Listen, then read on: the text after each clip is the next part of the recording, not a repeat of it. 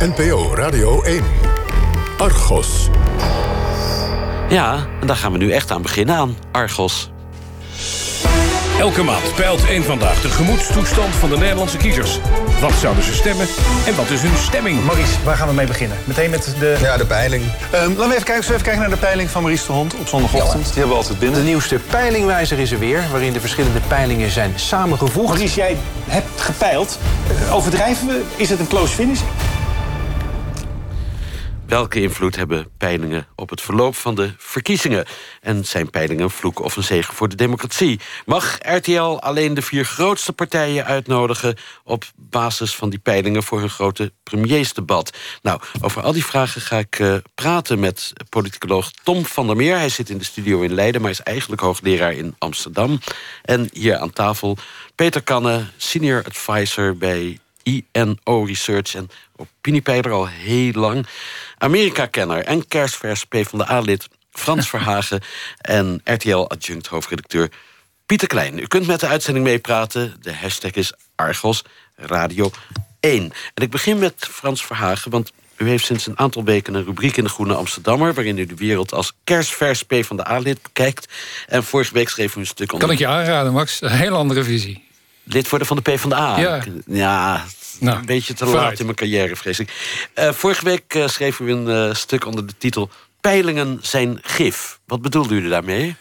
Nou, vooral dat peilingen net nadat er een nieuwe regering is opgetreden... die gaan vragen wat de mensen vinden van de partijen van in die regering... dat die een beeld geven wat, wat, wat onzin is, wat, wat niet relevant is... en wat de stemming vergiftigt. Dan kan Wilders halverwege een kabinet gaan roepen... ik ben de grootste, dus de regering is, is, is eigenlijk niet de vertegenwoordiging van het volk. En dat vind ik een bedreiging van de democratie. Maar waarom uh, bederft dat de stemming? Waarom bederft dat de democratie? Om, omdat het dan... Uh, kijk, een kabinet maakt een, een, programma voor vier jaar. Dan moet je ze ook vier jaar de tijd geven om dat uit te voeren. Dat mag best tussendoor vallen, maar je moet niet een half jaar gaan peilen... bent u blij met wat het kabinet dit half jaar gedaan heeft? Want dat is onzin. Peter Kanne, u schreef een stuk in uh, Villa Media... het vakblad van journalisten...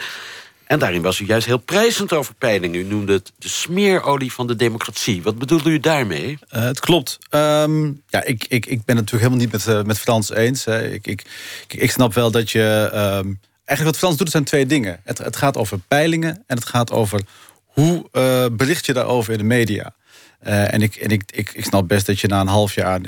Dat je een beetje voorzichtig moet zijn met gelijk alles van alles afbranden.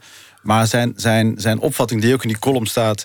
Uh, um, wat maakt het nou uit wat kiezers tussendoor uh, vinden? Uh, dat is een hele ouderwetse opvatting van politiek. Hij is ouderwets, Frans Verhaag? Dat vind ik heel ouderwets, ja. ja dat is heel, dus dat betekent dat je, moet, je mag één keer stemmen... en dan moet je vier jaar lang je mond houden. en dan kijken we na vier jaar weer hoe het, hoe het verder nee, gaat. Nee, ik zeg je mag één keer stemmen... en dan moet je vier jaar lang met die stem leven. Ja. Of tussendoor als de verkiezingen komen. Ja. En dan moet je niet halverwege lopen te roepen van... Uh, ik ben niet blij met het kabinet. Ja. Ik zou, uh, volgens de peiling ben ik groter... dus eigenlijk hoort het kabinet er niet te zitten. Ja. Maar je moet eigenlijk denk ik de, de, de, de politiek als een, als, een, als, een, als een markt zien... Hè? Als, een, als een spel van vraag en aanbod. Uh, en het aanbod komt van politieke partijen... en de vraag komt van kiezers. En met peilingen laten wij zien... wat die kiezers eigenlijk vinden van allerlei onderwerpen. En dan kan de, het aanbod, daar kunnen de partijen op reageren... En, en, en dat, is, dat is het politieke spel. En, Tom, en, Tom van der Meer in Leiden, anders komt hij nooit aan de beurt. Uh, u bestudeert als wetenschapper die peilingen. Wat, wat is het voor u? Gif of smeerolie? Volgens mij is het gewoon een inherent onderdeel geworden van hoe de democratie functioneert. Um, het, het, belangrijkste alleen is met peilingen dat we ze moeten gebruiken waar ze goed in zijn. En waar en, zijn ze goed in en waar niet in? Um, nou, beschouw peiling als een soort van, van metaaldetector. Uh, een beetje een roestige oude metaaldetector. Je loopt over het strand, je zoekt uh, waar de schat ligt, waar de, echt de, de opinie ligt. En zo'n metaaldetector weet dan ongeveer waar, waar, waar de publieke opinie zit. Uh, wat de steun is voor verschillende partijen, maar nooit precies. Dus dan moet je niet één dag laten terugkomen en dan net een metertje verderop die schat zien te vinden. En dan zeggen, hé, hey, de schat is bewogen. En, gebeurt dat, wat, wat in peiling gebeurt? Ja, gebeurt dat, vaak? Veel te vaak. Geef eens een voorbeeld daarvan. Ja, we hebben heel vaak gezien dat, dat uh, uh, bijvoorbeeld TNS Nipo in 2012 zei... dat het verschil tussen de PvdA en de VVD op de slotpeiling... too close to call was. En de NRC publiceert vervolgens over dat de VVD gaat winnen. Ja, dat kan je op basis van die peiling niet doen. Kleine verschillen, dat kunnen peilingen niet. Uh, kleine veranderingen kunnen peilingen over het algemeen niet goed aan. Grote trends over het algemeen wel. Tenminste, als we het over de kwalitatief hoogstaande peilingen hebben. Want er komt ook een heleboel prut voorbij, maar niet van de grote bureaus.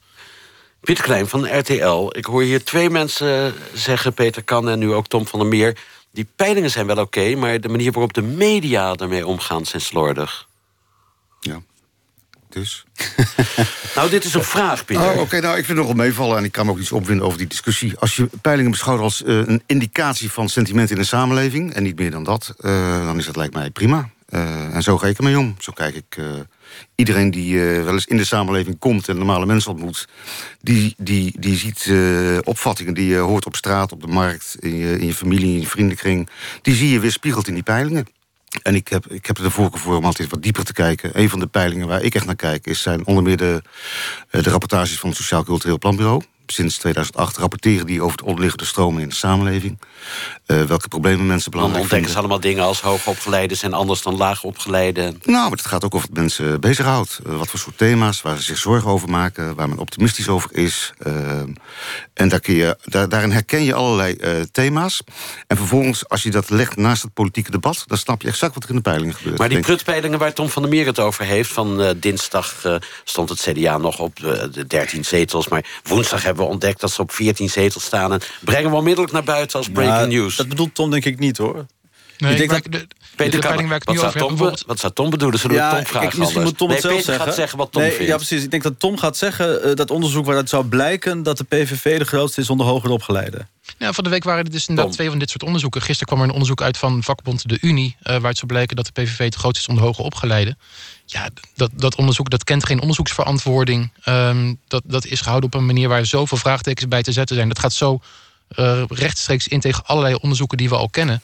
Maar ook dat wordt gewoon overgenomen op WNL en op de Telegraaf en de Post Online. En dat, dat zijn de, de, de echte problematische onderzoeken. En da- dat is wat u een prutpeiling noemt. Ja. Peter kan Eens? Ja, helemaal eens, ja. Nee, maar kijk, ook die goede peilingen hebben volgens mij een, een Frans probleem. Verhagen hoort u nu. Het, het is niet, ik, ik vind het prima om het sentiment van de bevolking te peilen halverwege een kabinetsperiode. Alleen, wat, wat doet het ertoe? Nou ja, je zou bijvoorbeeld kunnen zeggen... hey, is er iets in de Partij van de Arbeid aan de hand? Ehm, gebeurt er iets in de Partij van de Arbeid sinds eh, men heeft deelgenomen aan dit kabinet? En wat gebeurt er dan? Nou, ik denk dat je als je goed kijkt, zowel op inhoud als op steun... eh, dat je dan tot voorzichtige conclusies kan komen. Het gaat niet helemaal lekker. Lijkt, Ja. me, lijkt me een heldere conclusie. Nou, Of een ander voorbeeld is misschien de, de immigratiestromen en asielzoekers in Nederland. Kijk, als je, als, je, als je niet peilt, dan zie je in de media vooral eh, mensen met spandoeken en eh, varkenskoppen. eh, en dan krijg je het beeld dat heel Nederland eh, tegen het opvangen van asielzoekers is. Als je goed, een goede peiling doet, een goed onderzoek, dan zie je dat eigenlijk een heel groot deel van de, van de bevolking daar ergens tussenin zit. Hè, Die vindt het wel acceptabel onder voorwaarden. En dat is een klein, een substantieel deel dat falikant tegen is.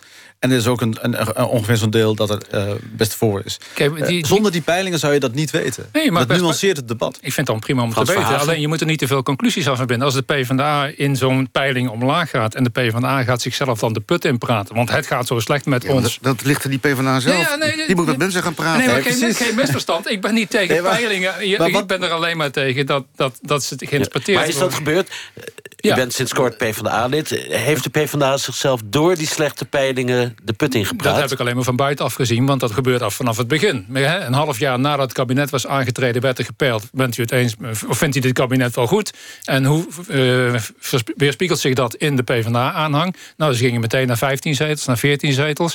En dan gaan ze zichzelf in de put praten, ja. Maar het is toch een klein beetje. Het bijna een beetje sneu dat je dan doet alsof het door die peilingen komt. je dat zeg ik ook van, niet. Wat ooit zo leuk was, is uit de hand gelopen. Dus je vond het toen de PvdA nog hoog in de peilingen stond, Nee, vond je het nee, nog wel dan leuk. moet je de rest er ook bij vertellen. Dat was in de tijd van de rode haan. Toen wij op zaterdagmiddag met rode oortjes... naar, ja. voor de eerste keer naar Maurice de Hond zaten te luisteren. Jan Nagel, wat een tijden. Ja, Ik wil even de diepte in met jullie, want je hebt het eigenlijk over drie verschillende vragen.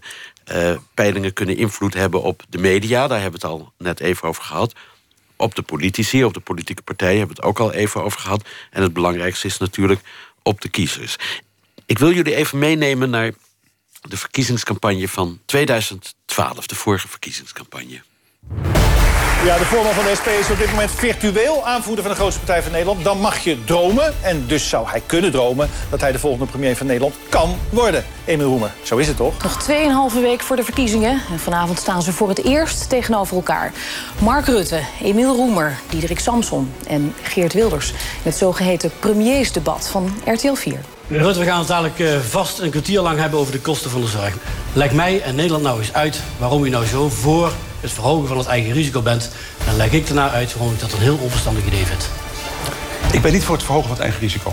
Het gebeurt niet vaak dat een politieke partij in één dag in een peiling acht zetels kwijtraakt. Maar het overkwam de SP vandaag wel. Kijk, ik heb natuurlijk ook teruggekeken en... Uh, uh, dan denk ik van ja, juist op het punt van de zorg. Waar ik denk van nou, nou wil ik daar... Nou ga ik scoren, ik druk op die bel. Rutte, nou, niet alleen maar scoren, maar ik, kijk, ik heb hem ook letterlijk gewoon de vraag gesteld. Leg jij mij nou eens uit waarom jij vindt dat het eigen risico omhoog moet? Ja, die nieuwste peilingwijzer laat zich op dit moment goed zien als een foto van de situatie zoals die nu in de campagne is. Meneer Roemer, als je dat zo ziet van de SP, goedemorgen trouwens. Heeft u het al opgegeven? de, wat dacht jij? Nou No ja, way. je- het Nee, is nog kijk, bijna nooit gelukt dat iemand die zo'n curve weer kan omdraaien de laatste paar dagen. Eh, welkom thuis bij Café Dudok bij Nieuwsuur Politiek. En eh, vooral en hartelijk welkom aan onze twee gasten... waarvan er één na verkiezingsdag hoogstwaarschijnlijk premier wordt. De nieuwe premier. Eh, ze zijn hier allebei. Mark Rutte van de VVD en Diederik Samsom van de PvdA.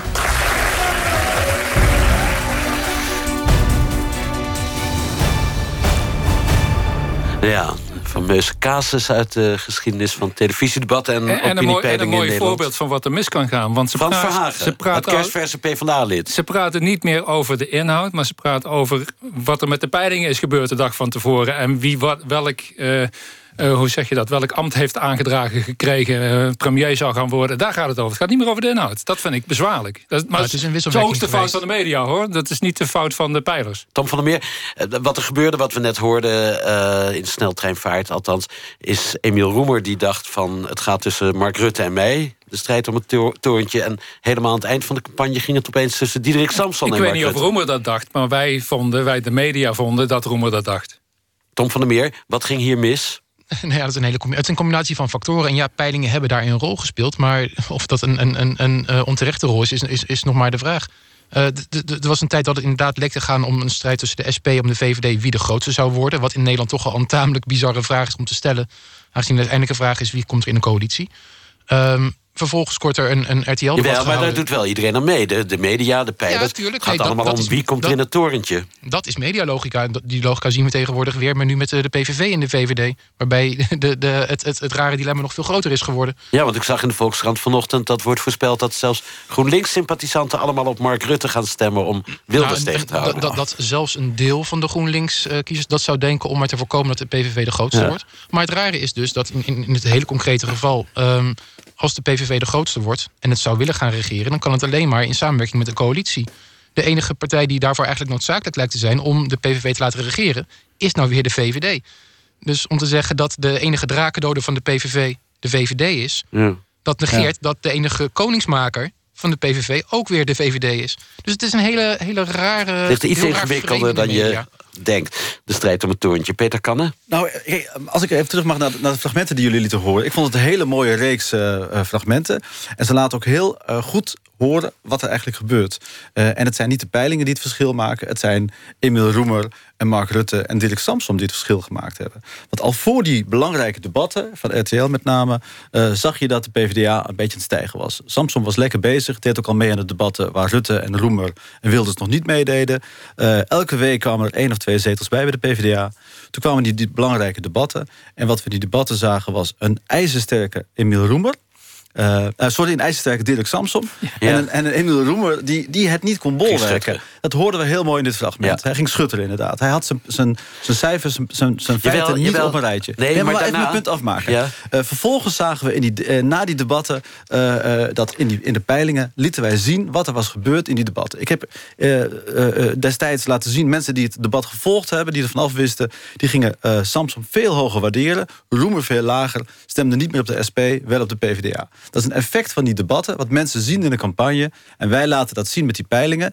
En inderdaad, vervolgens zien mensen dat de PvdA groter wordt in de peilingen, SP daalt. En dat heeft wel een effect. want- daar, ben ik, daar ben ik het mee eens. Want ik zit dan gewoon op de bank eh, te kijken... en dan zie je al die peilingen voorbij komen... en denk dan toch van, eh, nou, de SP... wilde ik misschien wel op gaan stemmen... maar ja, die maken dus geen enkele Losers. kans meer op het Ja, maar dat is Maar later. is dat, Losers. is, later. is dat Dat wel is- een probleem?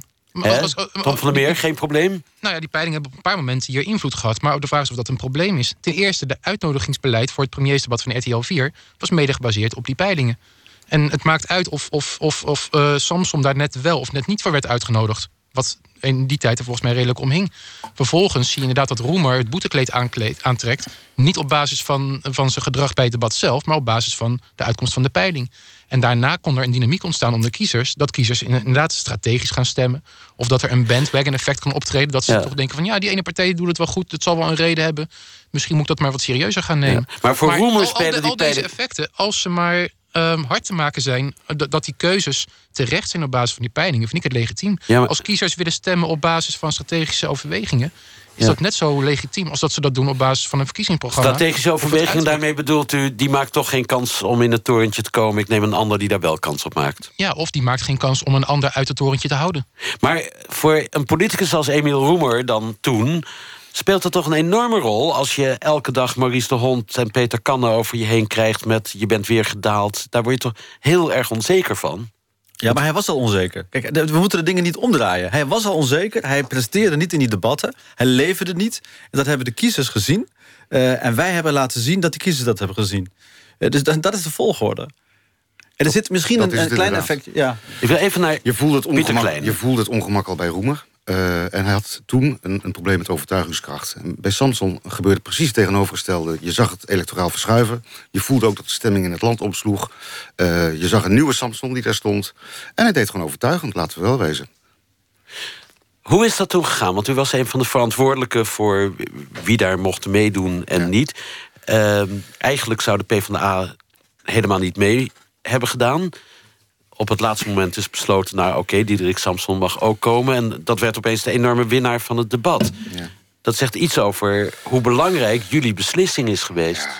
Het wordt ook een beetje overdreven. Kijk, in 2000... Kom, niet te bescheiden, Nee, nee, nee, in, in- in 2010 ging het aanvankelijk... Het is een heel- heel belangrijk In 2010 medium, Zeker, dankjewel. Maar we proberen altijd tot een faire afweging te komen. Een redelijke afweging. Dat hebben we altijd gedaan. Ooit in 2006 was het Bos Balkenende. Later is het veranderd. We kennen allemaal het verhaal over de versplintering van de politiek. In 2010 zou het gaan eh, tussen Balkenende en Wilders. Maar wij dachten, dat is... Dat is eigenlijk niet goed verdedigbaar. Toen kwam Cohen, eh, eh, eh, had een spurt in de peilingen. En als runner-up nummer vier was Mark Rutte... waarvan we dachten, ja, het is ook raar om die uit te sluiten. Dus toen dachten we, in alle redelijkheid komen we tot vier met dit gezelschap. In 2012, dus dat was een redelijkheidsafweging. Want je wil recht doen aan het democratisch proces. Hè. Je probeert vast te stellen, wat zijn nou de hoofdrolspelers zometeen. Nou, dat zag je in 2010. We hebben het precies hetzelfde gedaan in eh, eh, 2012. Waarvan we dachten, ja, het is eigenlijk niet meer verdedigbaar... als de PvdA hier niet aan deelneemt. Eh, en dus hebben we toen op de valreep uitgenodigd. Maar op de valreep, hoe beslis je dat dan? Wat is redelijk, wat is niet redelijk? Nou ja, we hebben Want je draagt een enorme verantwoordelijkheid als programmamaker. Ja. Nee, eh, ja, ja en nee. Kijk, je kiest voor een helder format. We hebben traditioneel het premiersdebat. We hebben later ook andere debatten. Het is een reeks debatten. Wij eh, proberen te komen tot iets wat in format technische zin... eh, programmatisch aantrekkelijk is. Want je wil verschillen eh, op inhoud en tussen personen... zo goed mogelijk over het eh, voetlicht brengen. Dat doe je dan het liefst met een beperkt aantal deelnemers. En je kijkt naar het democratisch proces van... eh, hoe verhoudt het zich tot elkaar en is het redelijk. Ehm, en laten we wel wezen, Samson, het was, het was duidelijk dat hij dat die, dat die, dat hij een goede sput te pakken had. Dat er weerzin groeide tegen andere partijen... en dat Samson daar gebruik van maakte... nadat hij zichzelf had, opnieuw had uitgevonden. Ik, ik, ben, ik ben dus inderdaad ouderwets. Want ik zou graag willen dat verkiezingscampagnes zouden gaan over de inhoud en niet over de poppetjes. Ja, ze gaan over de inhoud. Over nee, de het gaat Die- over die- die- poppetjes. Die debatten gaan over inhoud. Mannetjes. Die debatten zijn hartstikke Ja, inhoudelijk. zijn dat zijn inhoudelijker keiharde dan ooit, confrontaties tussen, tussen personen... maar het gaat wel over inhoud. Het gaat over, zowel eh, als het gaat om identiteitskwesties... maar ook in de traditionele links-rechts eh, tegenstelling... over verdelingsvraagstukken, eh, over economische groei... over banen, eh, over wat voor land je wil. Dat komt echt allemaal Maar- heel duidelijk over het voetlicht. Ja, meneer Verhagen, de kijker of de kiezer, dat is een beetje hetzelfde geworden tegenwoordig, heeft toch ook recht op vragen als wie wil graag premier worden, Precies. wie maakt daar kans op en wie is er geschikt voor? Wie kan ons land leiden? Nee, we hebben geen gekozen minister-president. Dat hebben we ooit besloten om dat niet te doen. Dus ik vind dat, ja, dat klinkt een beetje stom, maar dat is eigenlijk geen relevante vraag. En bovendien zijn lang niet alle vragen zo belangrijk. Want ik herinner me ook dat Cohen de vraag kreeg wat een pak melk kost. Als ik me goed herinner, in een Ja, debat. dat was met nieuwsuur, dacht ik. Oh, oké, dat was nieuws. Ik zou, ik zou zeggen, kijk vooral even terug. Onze stellingen zijn altijd inhoudelijk. Die verdelen de pijn. Die geven iedereen de kans om eh, zijn of haar opvattingen goed eh, over het voetlicht te brengen. En ja, we doen ook altijd ongemakkelijke vragen. Maar dat pak melk was niet van ons. Oké. Dat was de publieke omroep. Ja. Dankjewel, Max. Nee, maar, eh, ik zou graag willen dat de debatten gingen over, over de inhoud, Inhoud. Over, over de programma's. En, eh Oké, wie laten we dit even aan, maar- maar daar zit toch een aan Tom ironie van der Meer in. voorleggen. Ja. Het moet meer over de inhoud gaan, minder over de poppetjes, zegt Frans Verhagen. Die debatten gaan al tamelijk veel over de inhoud. Daar ben ik het helemaal eens met, met eh, de, de anderen die het zojuist al hebben gezegd. Ehm, kiezers leren ook daad- daadwerkelijk heel veel van die debatten. Maar als je ze nog inhoudelijker wil maken, er zit volgens mij een gedeelde verantwoordelijkheid. Wanneer partijen steeds meer inzetten op het verkopen van een merk, op het verkopen van een partijleider, dat dat het centrale frame wordt van een, van een, verkiezingsdeba- of, eh, van een verkiezingscampagne, moet je niet gek staan te kijken dat het succes of het falen van die ene partijleider tijdens debatten zulke grote gevolgen kan Ja, hebben. Maar, Maar, maar, maar daar, daaraan gekoppeld, als, eh, als media meer nadruk willen leggen op die inhoud, dan kan dat. Want niet alle partijen strijden om dezelfde kiezer. Wat we nu heel vaak zien, is dat eh, een partij van links en een partij van rechts met elkaar in debat moeten over een onderwerp, zich allebei heel groot op de borst kunnen kloppen. Maar dat voor de kiezer niet duidelijk wordt wat nou het verschil is tussen partijen die echt in hun eigen keuzeset zitten. Dus je kan beter misschien een keer een debat houden op links en een debat houden op rechts. Peter Kannen. Nou ja, kijk, als je, als je weet dat, dat de programma's van de PvdA, GroenLinks, SP... steeds meer op elkaar zijn gaan lijken. We zagen vandaag eh, bij het kieskompas... dat de programma's van eh, VVD, eh, CDA Nee. en PVV ook steeds meer op elkaar gaan lijken. Vind je het dan gek dat kiezers afgaan op de leiders? Die leiders zijn heel belangrijk. Eh, wil, ik, wil ik Roemer als, als mijn vertegenwoordiger van Nederland... eh, of wil ik op dit moment Ascher of Klaver? Wil ik Wilders of wil ik Rutte of eh, Buma? Dat zijn hele belangrijke vragen. Laten we even vooruitkijken, want eh, aanstaande maandag moet RTL een beslissing gaan nemen over wie er worden uitgenodigd voor het premiersdebat van dit jaar. Eh, complicatie is dat RTL heeft gezegd: eh, vier lijkt ons mooi, net als vorige keer. En dat de hele pijlerswereld zegt: ja, dat wordt toch wel heel ingewikkeld dit jaar. Want CDA, D66, GroenLinks, SP, PvdA en 50PLUS zitten in werkelijkheid zo dicht bij elkaar dat je helemaal niet meer kunt zeggen: dit zijn de grote vier. Eh, Pieter Klein, hoe gaat u daar uitkomen maandag? Nou ja, wij gaan kijken naar eh, de laatste stand in de, in de peilingwijzer. Eh, Peilingwijzer is het gemiddelde van alle peilbureaus van Nederland. Ja, dat als het goed is ook eh, de zogeheten huiseffecten van de pijlers eruit filtert. En we dachten, ja, dat is het meest objectiveerbare eh, ding wat wij kunnen verzinnen... als je toch de electorale onderstroom wil meenemen. En wat we hebben gezegd is, we kijken of het verschil tussen de nummers 4 en 5... of dat wel of niet significant is. En dan? En op grond daarvan... Als het niet significant is, als ze te dicht bij elkaar zitten, vier Dan zeg je, in feite heb je dan twee mensen op de vierde plek... dus nodig is alle, nodigen ze allebei uit. Ja, en nou hebben twee partijen, eh, de PVV en de VVD... toevallig ook de twee grootste partijen in de peilingen... gezegd, dan komen wij niet. Wij vinden het al heel naar om met vier man te moeten. maar vijf, daar beginnen we gewoon niet aan. Wat dan? Zullen we zien. Ik ga er niet op vooruit lopen. Ehm, wij denken dat we... eh, wij moeten proberen een goed debat te faciliteren. Eh, we hebben in het verleden altijd gekeken naar redelijkheid. Naar redelijkheidsafweging. In 2010, toen Mark Rutte op de valreep erbij kwam. In 2012, toen Diederik Samson op de valreep erbij kwam. Ehm, wij gaan uit van redelijkheid en hopen dat mensen het debat niet gaan ontlopen. Want vergis je niet, dat is voor een heleboel mensen ontzettend belangrijk... om een goed beeld te krijgen van de verschillen tussen Rutte, Wilders... eh, en de andere spelers. Tom van der Meer, ehm, er was een bijeenkomst in Den Haag een aantal weken geleden... waar, waar opiniepeilers, wetenschappers als u, eh, journalisten, tv-mensen... allemaal over dit onderwerp praten ook. Eh, er waren veel mensen die zeiden van... dit kan RTL niet maken, vier of vijf partijen. In werkelijkheid zijn zoveel partijen even groot. Dat moet niet zo. Eh, wat vond u daarvan?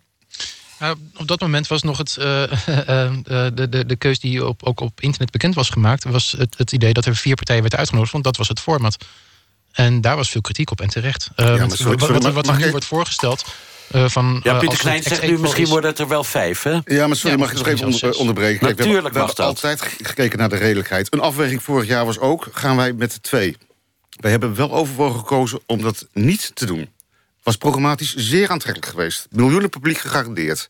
Maar wij dachten, dan, dat is uitsluitend het frame van zowel de VVD als de PVV.